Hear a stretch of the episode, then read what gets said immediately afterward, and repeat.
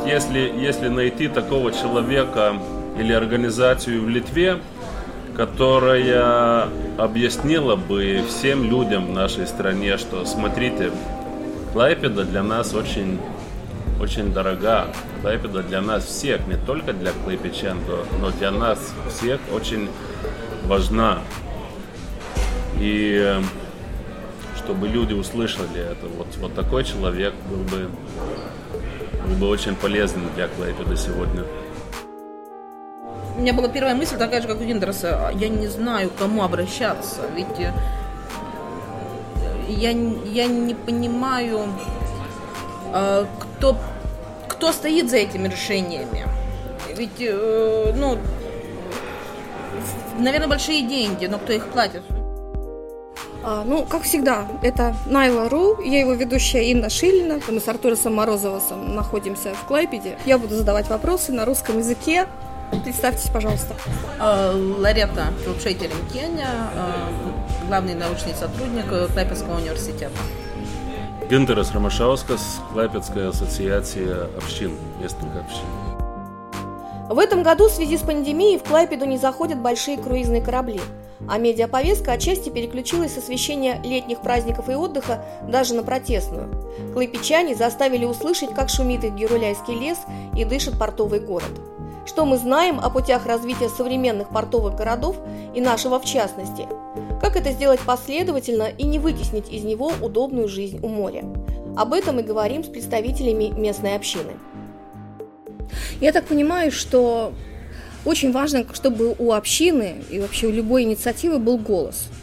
И я так понимаю, что этот голос не приобретался через другие СМИ, не другие региональные СМИ, не через столичные СМИ, ниоткуда, пока вы сами вот в себе здесь его не создали и не развили, как от Вера Клайпеда, да, которая отчасти стала голосом инициативы изнутри отсюда. Да, очень, очень трудно, очень трудно, особенно если говорим про вильнюсские СМИ, они практически, ну, насколько мы, у нас была неофициальная информация, даже редакторы вот, э, порталов или, или газет, они своим а журналистам советуют не, не лезть в клайпецкие вопросы, потому что это вильнюсам не, не интересно или другим регионам. А из э, местных СМИ кто такие? Вот, какие Да, у нас есть э, газеты, две газеты, которые получают большие суммы и от управления порта, и от э, самоуправления города. Как и, да, как рекламодатели. Конечно, это нужно, они должны так делать, но э, против что-то выражать, вот, что не совпадает с э, мнением рекламодателей, они ну, не могут себе позволить. Они ну, все-таки должны как-то содержать себя. Вот и потому они не, не очень-то стараются отражать те мнения, которые не очень-то удобны самоуправлению города, допустим. Единственный портал – это «Свободная Клейпеда», «Отвера Клейпеда», который соглашается вот, печатать наши статьи, что все-таки ну, общество очень безразлично к тем э, проблемам, которые вроде должны людей интересовать, но из-за очень узкого мышления регионального не, не очень-то интересуются люди, например, в Клайпеде ситуации вокруг э, этой атомной электростанции в Острове. И проблемы, которые вроде создаются для Вильнюсского региона всего. В Клайпеде как-то абсолютно все безразличны к этому. Далеко этому этот остров. Это для... далеко, для это нас. неинтересно, у нас здесь свои проблемы и так далее. Вот. Также люди в Вильнюсе, они, они видят свои, свое, свое ближнее окружение, и там, там, наверное, есть достаточно вопросов, чтобы себя ими занять, и неинтересно, что здесь в Клайпеде происходит. А нам очень это внимание э, хочется, потому что решения очень важные для Клайпеда. Они все же делаются в правительстве в Вильнюсе, а не здесь, э, в Клайпеде. Сейчас это большая беда, когда делается решение только в офисе, без да. э, приближения просто. Хотя бы на карту посмотрели, где это и что да. это имеет значение, какое-то из значение имеет для местных жителей. Да, я, кстати, вот поскольку мы уже второе интервью, и вот что я сейчас еще раз замечу, то, что, наверное, это влияние э, коронавируса и пандемии, потому что, когда я приезжала в прошлом году, народу практически не было в Клайпеде. А сейчас просто я вижу просто какое-то столпотворение, снуют туда-сюда, движение, шум и тому подобное. И в связи с этим мне так кажется, что некоторые проблемы, которые, может быть, даже для клайпечан не были актуальными там год, два, три назад, что сейчас они, наверное, должны были вылезти, экология, или нет? Потому что им сейчас приходится оставаться здесь, а не ехать на Канары, как мы перед этим говорили, или в Северную Италию. И ну, корона, э, наверное, какая-то часть... Почему сейчас э, в Клайпеде много людей? Э, лето. Это лето. Я в прошлом году тоже было лето, но было очень тихо. Потому что люди из Вильнюса, они не могут уехать, они, они едут сюда. Может, только поэтому, что это, это, это не... Ну, местных сколько было, столько и осталось. Так что, а то, что э, клепичанам стало интересно, что происходит э, вот тут у нас здесь и сейчас, это, наверное, э, все-таки результат э, скандала с Григео, когда все-таки это было, был большой скандал, который показали по, по всем большим э, новостным э, Э, каналам, и люди, живущие в Клайпеде, поняли, что не все тут у нас хорошо.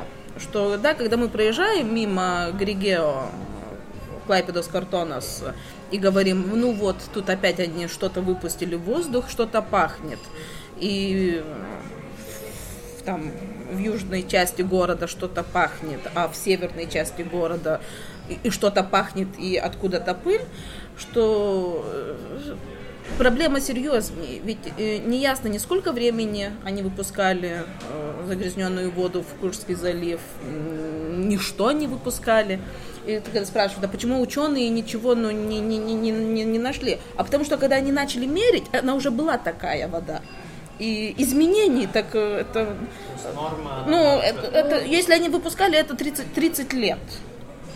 Если не, не с открытия Григео там, в прошлом и в позапрошлом веке, то это уже была норма для, для измерения воды в заливе. А мы говорим, что за последние 30 лет вода в Курском заливе стала лучше, потому что ну, Белоруссия и Литва уменьшила там, агрикультурные всякие там, производства рядом с, Неманом. И, и да, поэтому вода стала ну, ну немножко лучше, чем 30 лет назад в Курском заливе. А то, что они прямо вот в Клайпеде выпускают, ну, Григео это не, не только один вопрос по экологии. Есть э, некоторые портовые компании, которым еще надо очень-очень много поработать, чтобы поменьше загрязнение их не действовало на городские кварталы. Потом э, у нас есть э, две реки, это Данис и Смельтали. Если их э, взять вместе, эта проблема будет э, гораздо, несколько раз больше, чем э, это сама Григео, труба из Григео. Но до, но до скандала Григео, например, мои знакомые говорили, ну, вам кажется, что класс, вот тут, ну, что, что-то тут плохо, но вот Потому что они, они говорят, что вот все, все параметры хор, у них хорошие после скандала с Григео они сказали, М, а может быть они все-таки не правы, может быть вы, вы правы. Ну, вот что поменялось э, мыш, мышление. В отношении других вопросов тоже больше доверия, я так понимаю. Да, что да, люди... больше доверия, потому что, ну, как мы не только что, то, не только говорим про проблему, но мы привлекаем к высказыванию и мнению специалистов тоже. Вот, и тогда люди начинают слышать. Вот, пока мы только сами от ассоциации говорили, нас э, всякими именами там называли, и что мы делаем политический капитал, что мы пойдем на какие-то выборы и так далее. Вот когда этого всего не произошло. Руку Моск- Москвы не приписали? Да, было, было тоже, было тоже это, э, что чьи интересы мы защищаем, если мы высказываемся против развития порта. Мы не, не, не против развития порта, но мы, мы высказывали, что лучше направить дальнейшее развитие на территории вне черты города, где город не будет мешать развитию порта. они все-таки решили, что надо абсолютно все концентрировать в черте города. И сейчас вот другая проблема на подходе у нас. Начинается процесс планирования, огромнейшего терминала железной дороги, мультимодальный терминал, который тоже, естественно, не хотят иметь в городе, и при том вырубать Геруляйский лес. Сколько это километров от Клайпеды? Это в Клайпеде. Это, это в Клайпеде, это в, Клайпеде. это в городе. Это, и этот, это черта да, города. черта города. И этот э, лес, он очень важен для, для города, потому что это как бы легкие Клайпеды. Вот. Э, и, ну, не только экологическая значимость этого леса для, для города есть, но тоже очень большой эмо, эмоциональная связь всех клайпечан с этим лесом, потому что люди, которые живут, например, в южной части города, там, ну, по сути дела, там бетонные джунгли. Они, они как только могут, они садятся в машину и едут в тот лес, чтобы погулять возле моря, когда плохая погода, там целая система этих лесных тропинок есть, и велосипедные дорожки и так далее. Люди очень нравится людям проводить время там, отдыхать. Там многолюдно, да? Да. И да, да. Э, чем хуже погода, там тем больше тем людей больше там. Людей. Ну вот, э, когда, когда клыбичане идут к морю, когда плохая погода, там, посмотреть на волны, подых, подышать э, лесным воздухом, а, ну...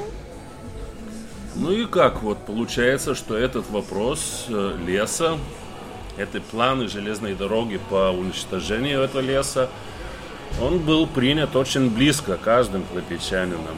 И поскольку этот проект продвигается Министерством сообщения в Вильнюсе, и на правительстве мы вынуждены ездить туда, участвовать, там делали и пикеты, и участвовали, высказывались в заседании правительства.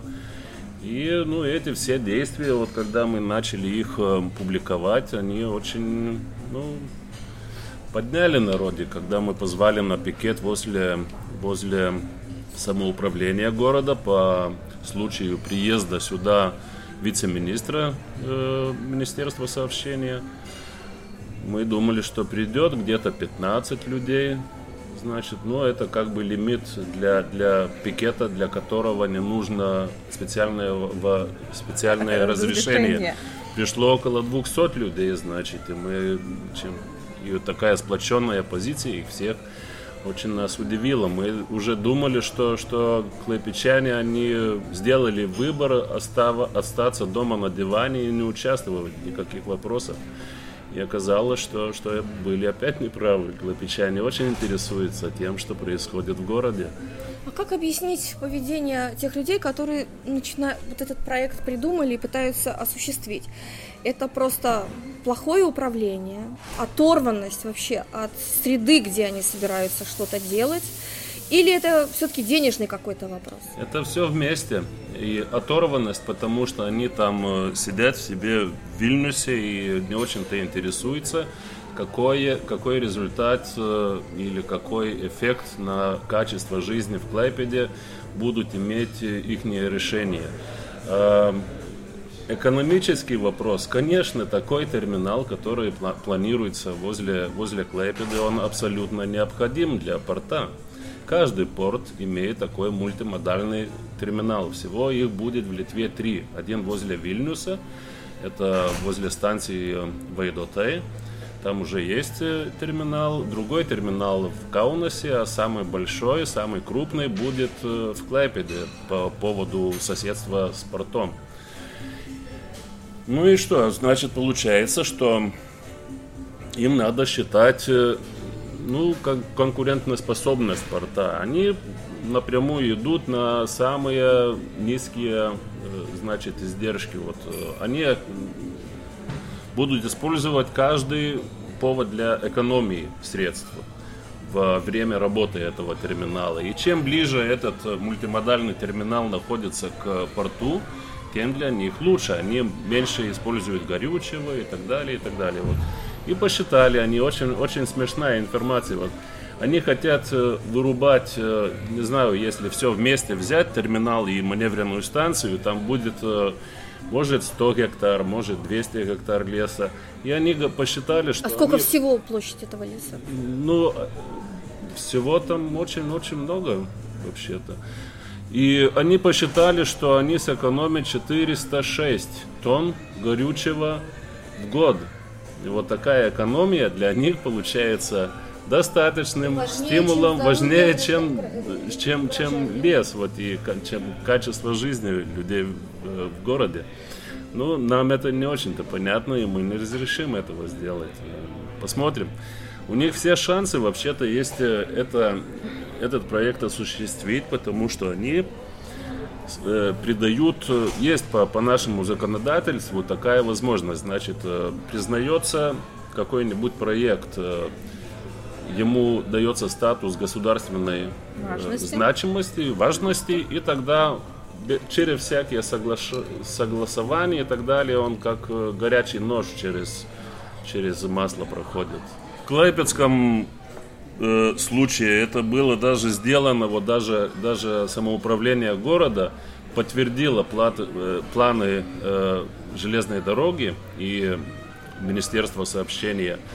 Очень тихо, без никакой дискуссии в городском совете, допустим, под прикрытием этого всего карантина и так далее. Вот мы узнали про это все 25 мая, когда увидели на портале города клайпеда.лт сообщение, что начинается процесс э, планирования, э, расширения инфраструктуры железной дороги в Клайпеде. Э, Мы несколько дней поработали, по, разработали наши, наши э, замечания по, по этому ну, проекту. И 2 июня мы уже сделали свои ну, первые, первое сообщение вышли, выслали на, на правительство, на, на э, министерство и так далее. Вот. И тогда мы начали получать уже информацию от них про эту экономию 406 э, тонн горючего, что это очень-очень улучшит э, экологическую ситуацию в городе, если они не будут сжигать этого горючего, значит, а то, что они вырубят лес, как-то не попало в сферу внимания.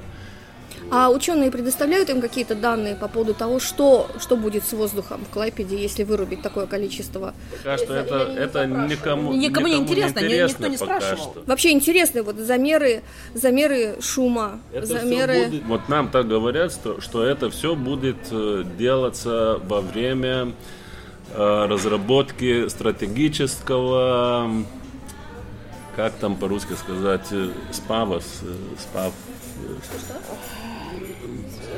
стратегинės poveikio aplinkai vertinimas. Оценка, Оценка да, да. э, влияния на окружающую среду. Вот. Тогда они, они уже будут эти, эти расчеты делать. Но поскольку это будет, э, будет э, это есть проект государственной важности, это, это все, все будет игра в одни ворота. Обычно кто всё понимаем. заказывает э, вот этот спав,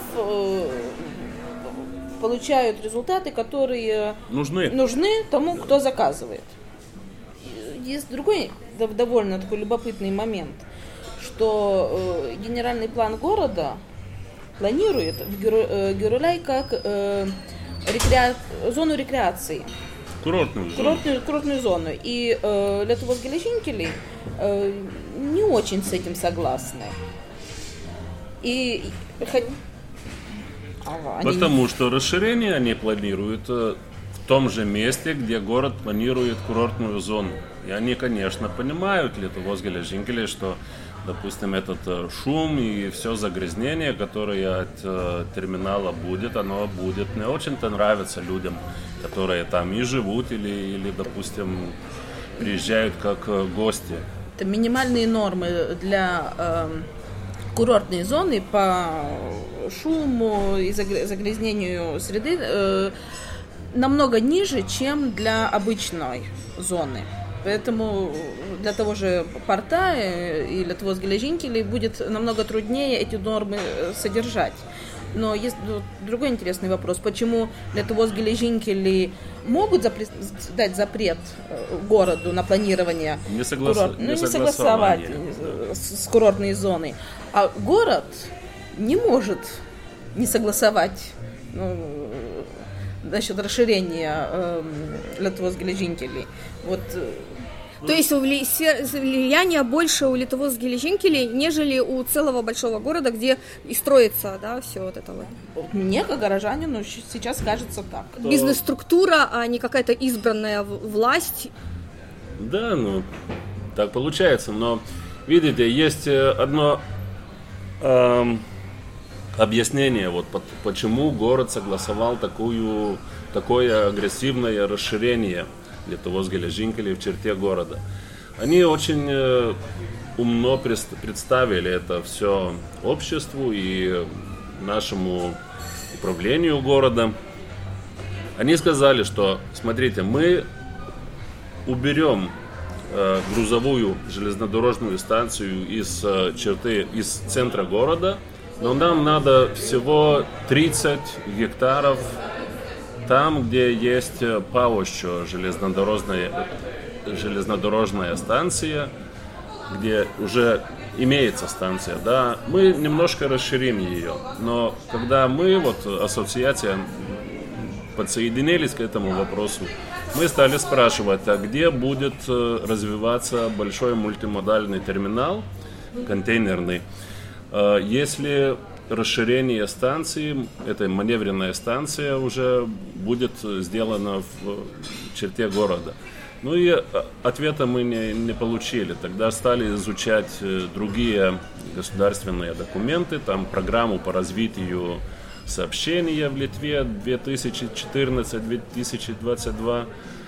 Вот, и там мы нашли вот эту информацию про три терминала, мультимодальных терминала в Литве, и один в Клайпеде будет. Ну и, естественно, он будет развиваться там, куда перенесут э, эту маневренную станцию. Э, Посмотрели генеральный план э, района Клайпеды и округа Клайпеды. Оказалось, что там для этой маневренной станции, для терминала, там есть резервированные территории. Такого, такой необходимости делать это в черте города у них нет. Они только захотели сделать, иметь это все в городе, чтобы было поближе к э, внешнему глуб- глубоководному порту, который будет развиваться в Мелнроге.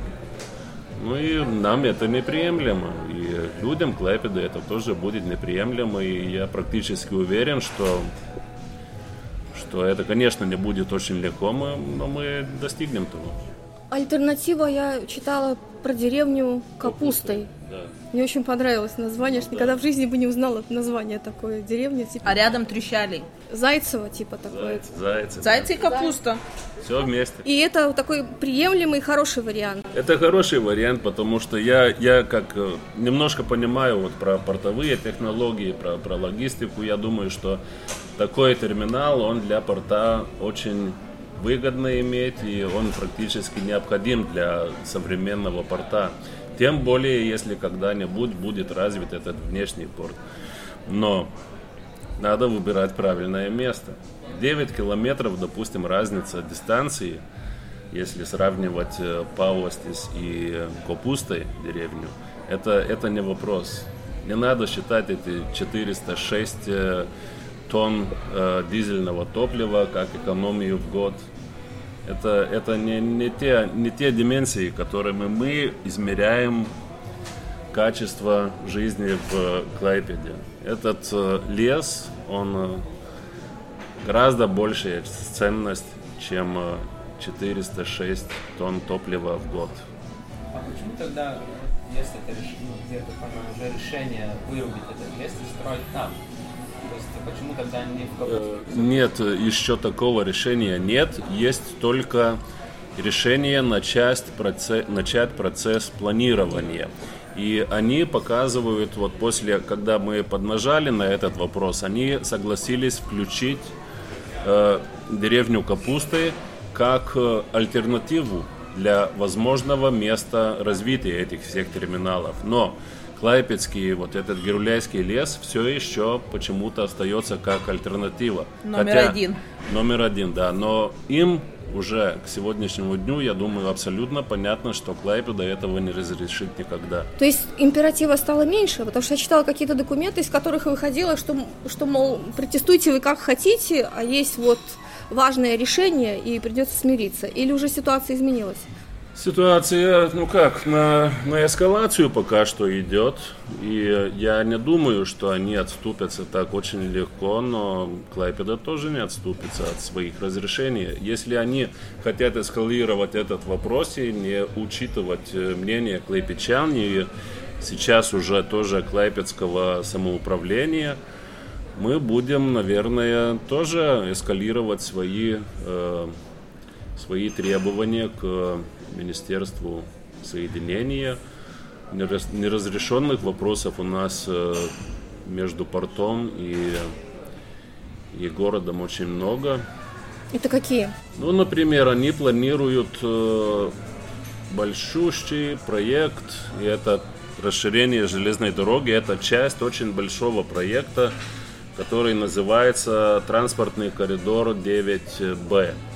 Это от границы восточной Литвы, значит, до западной границы. И в него входит вся абсолютная инфраструктура дорог, железных дорог, порт. И почему-то правительство и, и Министерство сообщения пока что не понимают, что в этот проект тоже входят и городские улицы. Потому что если весь, вся портовая деятельность находится в э, городской черте, значит как-то грузы должны попасть на порт с этого коридора, да, через наши улицы. И почему- почему-то они не очень-то стараются э, инвестировать в, это, в эти части своего коридора. Вот эти, эти, эти вопросы будут. Потом, если, допустим, у нас э, из-за этих э, новых транспортных потоков э, в каком-то рай- районе ухудшится качество жизни, допустим, в Мелнраге это абсолютно понятно, что произойдет, потому что там даже, даже будет спад стоимости недвижимости, которые, которые, ну, которые как-то должны будут абсор- абсорбировать жители. Наверное, будем, будем работать в том направлении, чтобы люди получали компенсации от порта или от правительства. Нам, нам безразлично. Вот мы будем тоже эскалировать свои требования. Есть у нас тоже очень много вопросов э, по портовым сборам. Почему они все уходят э, в Вильнюс? а ничто, ничего не остается в Клайпеде, потому что это будет именно клайпечане чувствуют э, ну, негативный эффект, допустим, от э, загрязнения порта, э, транспортные пробки от э, грузового транспорта, который ходит в порт. Даже никто не учитывает, вот, когда э, корабли, э, судно переходит в порт, они оставляют включенные свои двигатели и так далее. Это все загрязнение же попадает в город. А, э, дирекция порта, она собирает эти сборы и все платится в Вильнюс или, или себе они остаются, э, оставляют. Город ничего от этого не получает. Это не очень-то правильно. Вот этот вопрос тоже будет. На что можно было бы в городе направить эти деньги, которые уходят? Ну, допустим, на, на развитие э, буферных э, зон между районами портовой деятельности и жилыми районами. А что такое, что это включало Ну, бы в это буферную зону? зона это как бы Это что, какие-то стены зеленые, звуковые? зеленые А, полосы. Немножко можно амортизировать э, негативные эффекты от портовой деятельности города. Вот, э, допустим, э, какие-то решения можно финансировать для, для уменьшения звука от транспорта. Потому что если фуры иду- идут по проспекту Балтиос э, днем и ночью, люди-то не очень много могут спать. Вот, и, ну, есть много вопросов. а как вообще вот выборы приближаются? Как это все будет разыгрываться? Вот эта вся история. Нам удалось привлечь внимание э, политических партий к этому вопросу, вот особенно, ну, это партия зеленых, самые первые, они, они отрегулировали, нет, не правящие. Партия зеленых, это, это нормальные зеленые, не те, не те зеленые, которых вы подумали. Куда слишком много да. зеленых.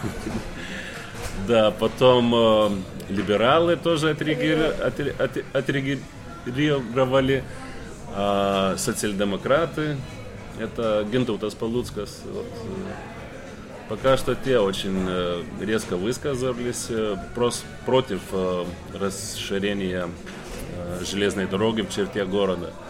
Вот. Но мы тоже понимаем, что после выборов эти все вопросы им станут абсолютно неинтересны.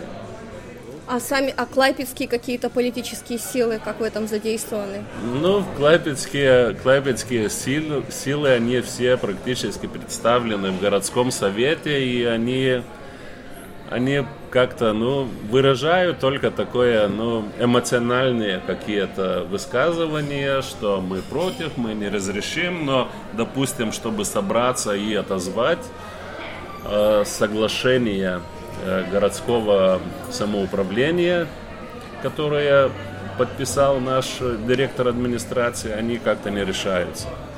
Я, я тут вспомнила одну фразу, которую, наверное, года три назад я услышала, э, там, когда мы были э, в ген- в генеральной дирекции порта. Э, Тогдашний генеральный директор э, сказал, а, так что, а почему город э, строит дома и вообще почему люди живут и так близко к порту? Вот почему город наступает на порт? И тут э, меня так э, ну, рядом с, вот, с нынешней стеной порта есть дома, которые были построены в 1930 году и раньше. Но тогда порта там не было. Это вот вопрос, кто кому в гости пришел. Город Клайпеда в порт или порт развился уже в черте города? Э, Как, как житель э, Клайпеды, ну, хочется хоть ну, больше внимания из порта а, э, жителям. Ведь э, они э, говорили, что да успокойтесь, мы меряем э, параметры качества воздуха уже года 3-4, наверное. Но они открыли вот эти данные э, своих измерений только тогда, когда городчане начали ставить свои э, датчики по качеству воздуха. И просто мы, вот наш датчик показывает, что воз- загрязнение воздуха довольно сильное. А, а ваш? Ну покажите ваши датчики. Ну вот э, и только, только вот после этого они, от- они стали открывать свои данные. Ну и, а хотя они могли. Все зависит от ветра. Если Какой ветер плохой для вас? со стороны порта, а который дует со стороны города. В Он городе по- есть загрязнение от э, транспорта, от того, что улицы недостаточно хорошо чистят. Чистят. Вот, а, а когда ветер с моря, тогда мы получаем загрязнение от порта. А вы как ученая, э, вы как оцениваете сейчас ситуацию, экологическую ситуацию в городе, различных влияний, и как она может измениться с осуществлением всех намеченных проектов? Если говорить про такой уже апокалиптический вариант, ну вот поставят глубоководный порт, вырубят половину Геруляйского леса, то в Клайпеде не будет, ну, в Клайпеде не останется жителей, и тогда просто, ну, люди не будут жить там, где нету берега, там, где, ну, если будет вот этот глубоководный порт, то э, в Малнараге э, там будет такая стоячая вода, и э, летом будет пахнуть, как э, в Таллине около Пиреты, там, ну, ну, такой довольно специфический сильный запах. Э, Ну, люди уедут, уедут жить за черту города. Тогда вопрос, кто будет работать в том же самом порту и кто будет платить налоги городу Клайпеду. Потому что 3 километра в море, это умножаем на 7, потому что, ну, сколько метров в море стоит гидротехническая э, структура, в 7 раз э, будет э, чувствоваться влияние на береговую зону. Значит, 3 километра в море, это 21 километр вдоль берега на север. Это как раз до Палангского моста мы будем, вот у нас будет сильная зона эрозии на берегу. Так вот, те, кто сейчас строит свои э, жилые дома, э, дорогие жилые дома на берегу моря, ну... Вот интересный вопрос. Я его все сейчас держала и, и вот думала, а, принципе, как вот люди в основном представляют себе летнюю столицу, это Палангу и Ниду, да, и Клайпеда никогда не входила в эти планы. Но если все, что вы сейчас говорите, все это происходит в Клайпеде, то это уже касается и Паланги. Да, и Паланги касается. А, а Ниду касается то, что сейчас э, делают в Калининградской области. А, у них э, довольно сильная береговая эрозия, и поэтому все э, с, с мыса Таран, там Самбийский полуостров, они просто тихо бетонируют берег. Это, это означает, что у нас не будет э, песка, который, который питает наши берега. И это уже чувствуется у нас э, этой зимой э, Нида э, Юаткранте уже страдала от э, эрозии, там, и, был вопрос, как дюны спасать. А, в Калининграде э, они берегут свои берега, поэтому в Ниде, Нида Смельтиня мало песка, который остается у нас, поэтому там начинается эрозия. Мы строим еще одну э, блокировку песка, чтобы идти на север, это Клайпецкий порт. Значит, песка не будет хватать севернее, и у нас уже сейчас там довольно сильная эрозия. Ну, берега, э, пляж Паланги надо спасать. Э, ну, в этом году туда насыпали довольно много песка. И это надо будет делать все чаще и чаще, потому что изменение климата, э, повышение уровня воды, еще человеческая деятельность. Ну, развитие порта э, около 3 километра от береговой черты, значит, эти все гидротехнические сооружения будут э, выдвинуты. Это и это абсолютно, абсолютно перекроет э, перенос э, этих э, песка. песка, значит, на, на, дальше на, на территорию, дальше на север.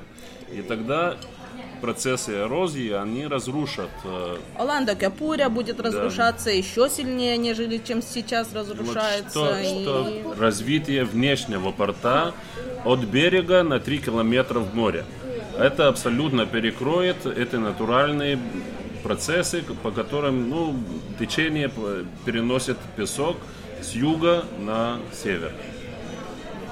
Вот, и когда мы начали, ну, принципе, вот э, Лорета нас э, обучила, как понимать это, этот весь вопрос. Это было где-то полтора года назад, наверное.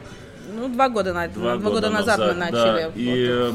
тогда мы стали задавать этот вопрос, а как э, Министерство окружающей среды Литвы собирается реагировать на эти процессы эродирования береговой черты, которые будут ну, происходить после развития этого внешнего порта.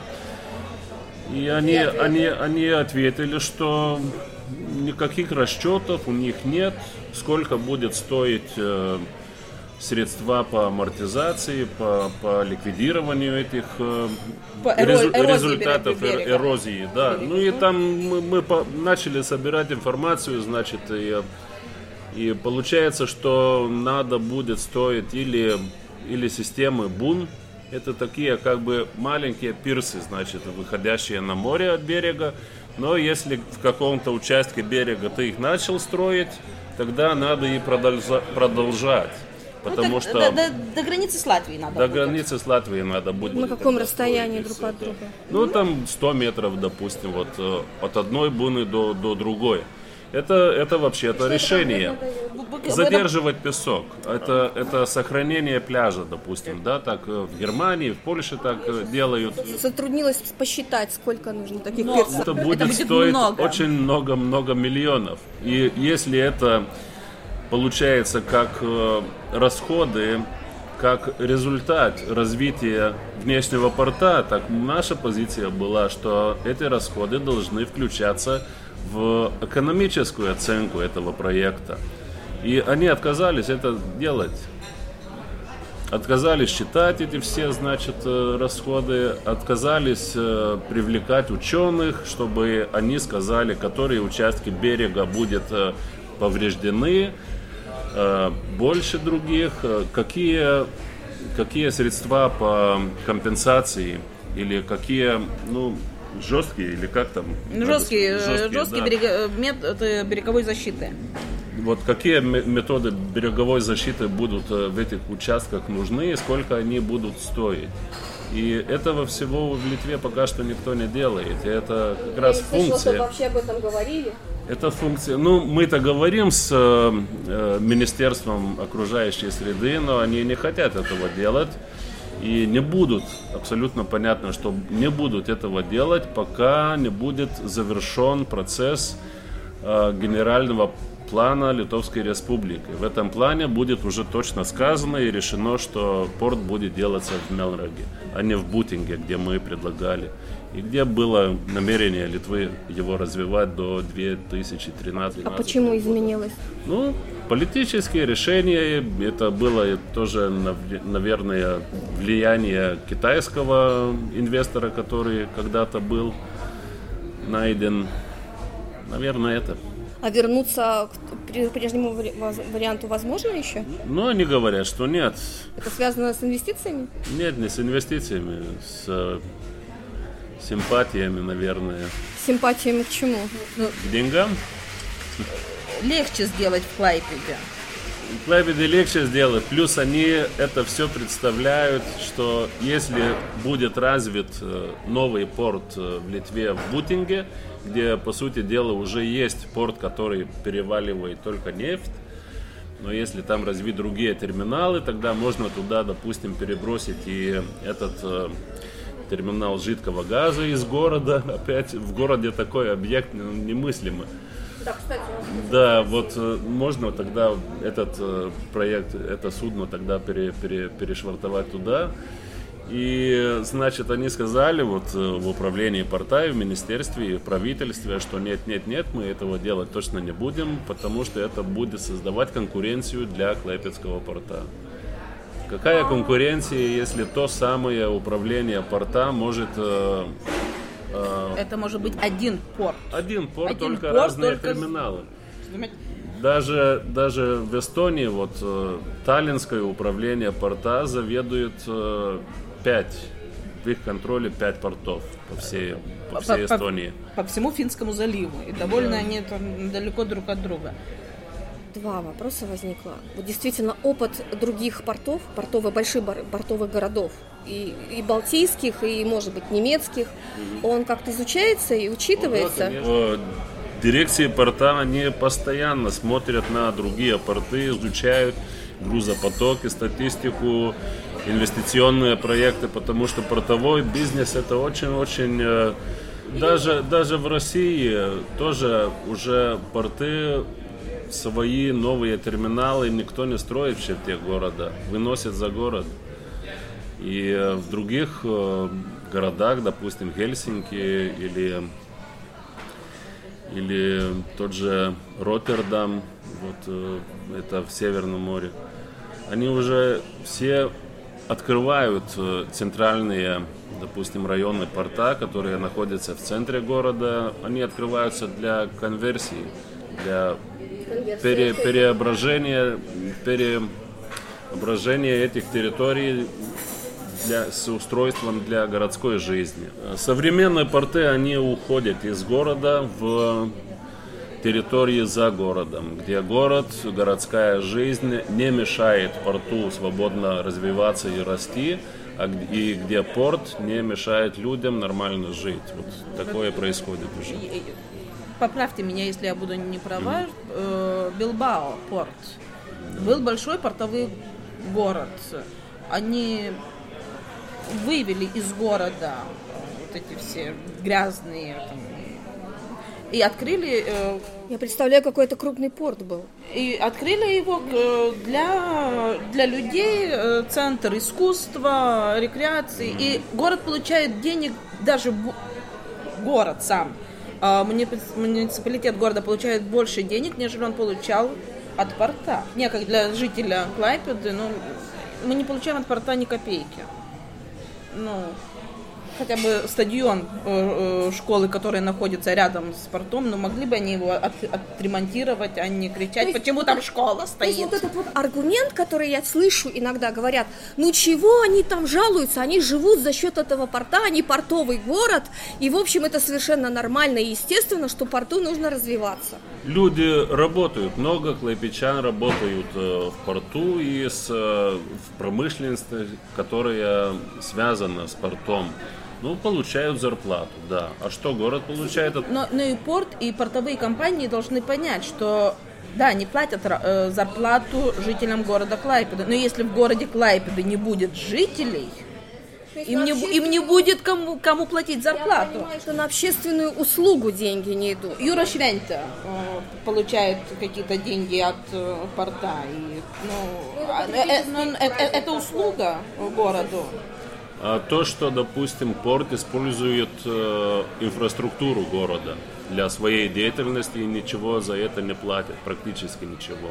А Так вот, вот так прям по, по улицам города ездят большие, Да. большегрузые автомобили, и их станет еще больше. Да, да, много раз больше. И это там не только шум, воздух, это еще э- эти разрушения дороги э, и тому подобное. Да, И загрязнение тоже очень большое это, этого транспорта, который идет э, днем и ночью, так, так что перспективы не очень-то у нас хорошие, но будем смотреть, как, как все это будет э, развиваться. А вот э, подсчитывались доходы порта, вот в том самом варианте, как вы говорите, когда все-все сбудется, они действительно окупятся? Вот, вот если говорить экономически, все окупается? Окупаемость порта зависит от э, грузопотока. И когда планирование, планировали расширение грузовой деятельности до перевалки где-то 160 миллионов тонн в год, а консультанты, которые вот это сделали, очень поступили, ну, неграмотно, я бы сказал. Они взяли статистику за период, когда портовые компании очень много инвестировали в ну, очень современные технологии по перевалке, особенно сыпучих грузов. И, естественно, когда эти э, инвестиции были сделаны, они стали привлекать очень много грузов. И рост грузопотока за, допустим, 2008 год, он был очень высоким. По- Порт очень быстро развивался, но такую же динамику развития э, сохранять на очень долгое время в портовом бизнесе, особенно в нашем регионе, абсолютно невозможно, потому что весь общий грузопоток в э, регионе Скамбалта, это Скандинавия, плюс Балтийские страны, плюс, плюс российские порта, а- он, он не, не, не изменяется очень, уже очень много лет. Только перераспределение между портами происходит. И вот э, портовые компании, ассоциация портовиков наших клайпецких посчитала, что считает, что что эти прогнозы консультантов это, это липа, сплошная липа, они, они абсолютно неправильны. И то, тот рост до 90 миллионов тонн в год, что считается для Клайпеды реалистичным, он э, может обеспечиться по более эффективному использованию теперешних территорий портовых, плюс развитию, развитие новых территорий на южной части порта. Это в заливе уже, где Клайпеда кончается.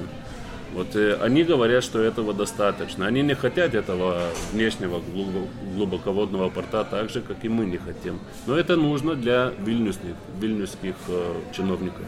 у меня еще другой вопрос. Есть ли такой геополитический фактор, ну, от нас независящий, который может сильно изменить все планы по поводу порта, его работы, прибыльности и так далее?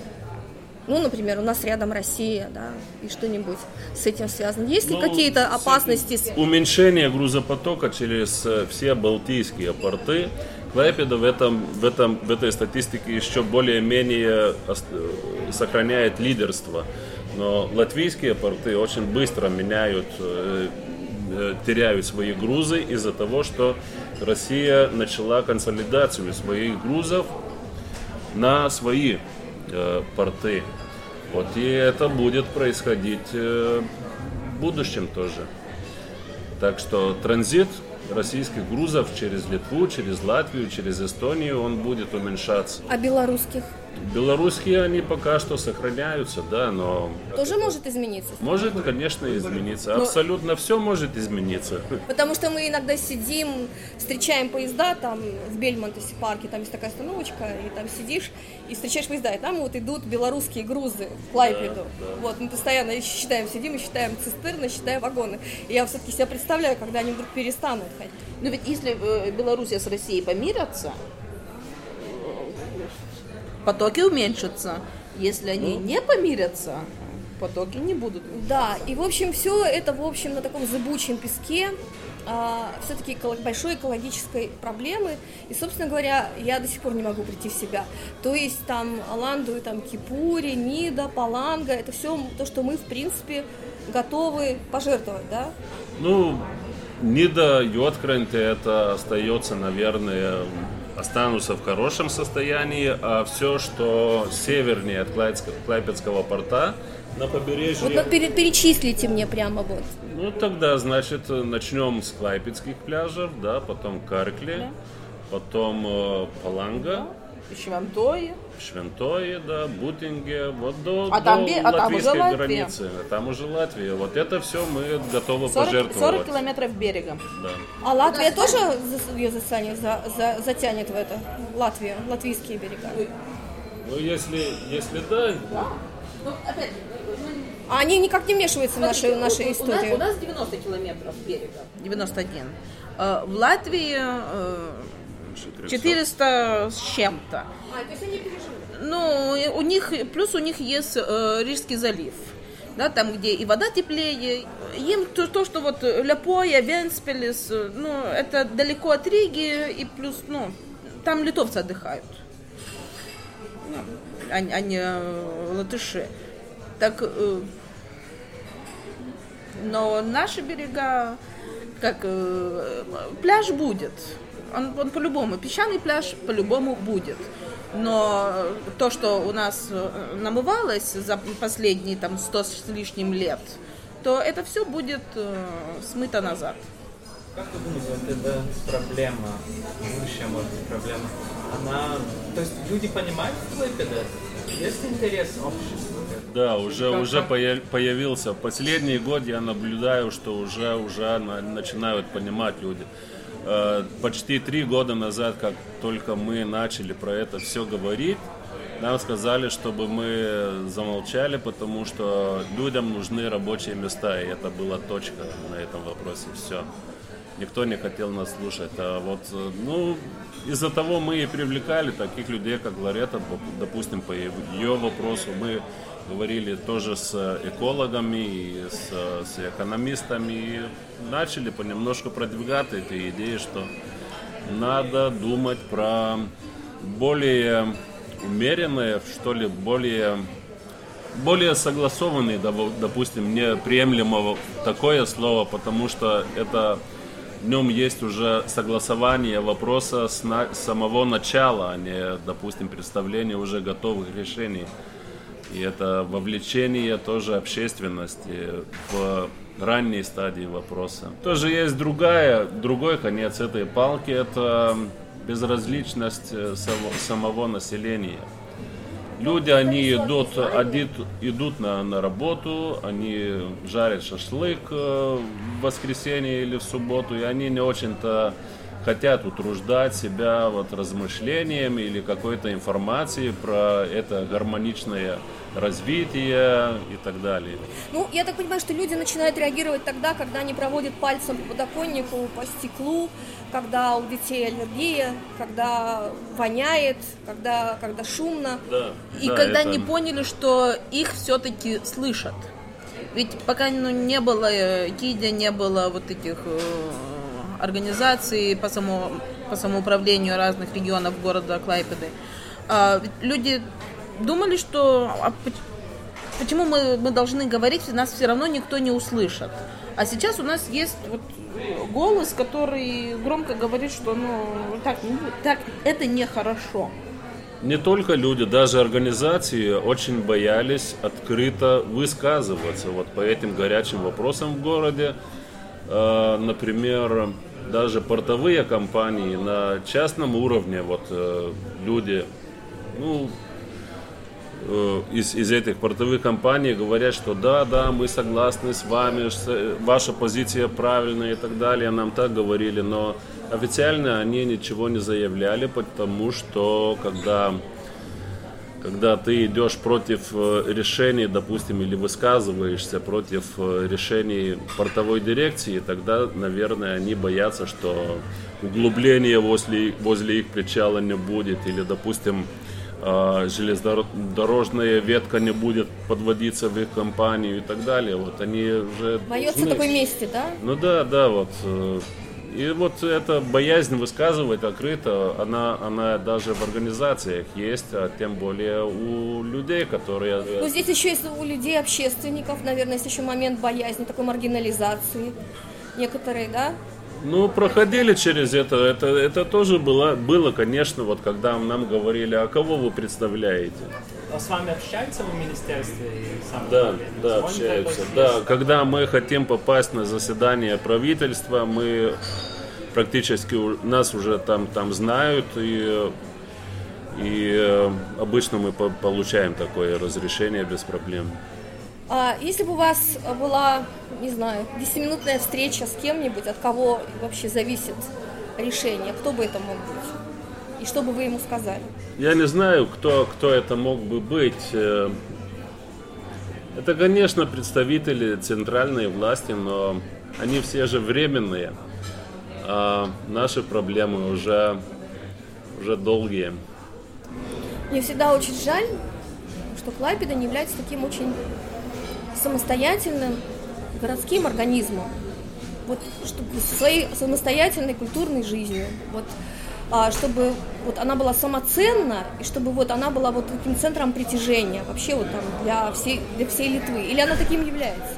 Видите, это все очень зависит от, тоже и от э, самоуправления э, города. И пока что протяжении очень многих лет оно было как бы сателлитом портового комплекса, к сожалению. И делала все, чтобы обслуживать интересы порта и тоже промышленности. А, в очень дальнем плане было, было, были, были сами жители Клайпеды. И, к примеру, можно сказать даже такое, что а, когда были переговоры между городом и портом по условиям, по каким, значит, порт э, будет развиваться здесь, в Клайпеде, один из вопросов был городской стадион Жальгириса. Вот, да, кстати, Э, городское самоуправление само предложило порту взять этот стадион для развития город- э, портовой деятельности, тем самым при- приближая и шум, и загрязнение к жилым районам. По какому поводу такое предложение появилось? э, они сказали, что эта территория так или так уже слишком загрязнена для занятий спортом. И поэтому надо эту территорию, этот стадион от- отдать загрязнителю, это порту. Вот, э, ну, в каком еще городе это такая логика мышления возможна? Вместо того, чтобы создать там, допустим, зеленую полосу, сделать какую-то буферную зону, они решили вот это отдать для, для развития там какой-то деятельности портовой. И когда я эту историю рассказывала жителям города Клайпеды, они говорили, так не может быть. Ты не знаешь. Ты, ты врешь. Не, не может город сам отдать порту свою территорию. Они там же они должны сделать парк. Я говорю, нет, нет, нет, город сам это отдал. И мне до сих пор есть люди, которые в это не верят. Хотя я, я положила им документы на, на стол. Потому что вот... Это когда было? В каком году? Ну, это э, два года назад город разработал 17 условий для развития э, порта в черте города как бы что город Клайпеда хочет, хочет от э, центрального управления в форме инвестиций в объекты разные и так далее. Вот. И такое предложение, ну, оно вообще не, немыслимо, если, если думать в мерках этого гармоничного или как там э, развития.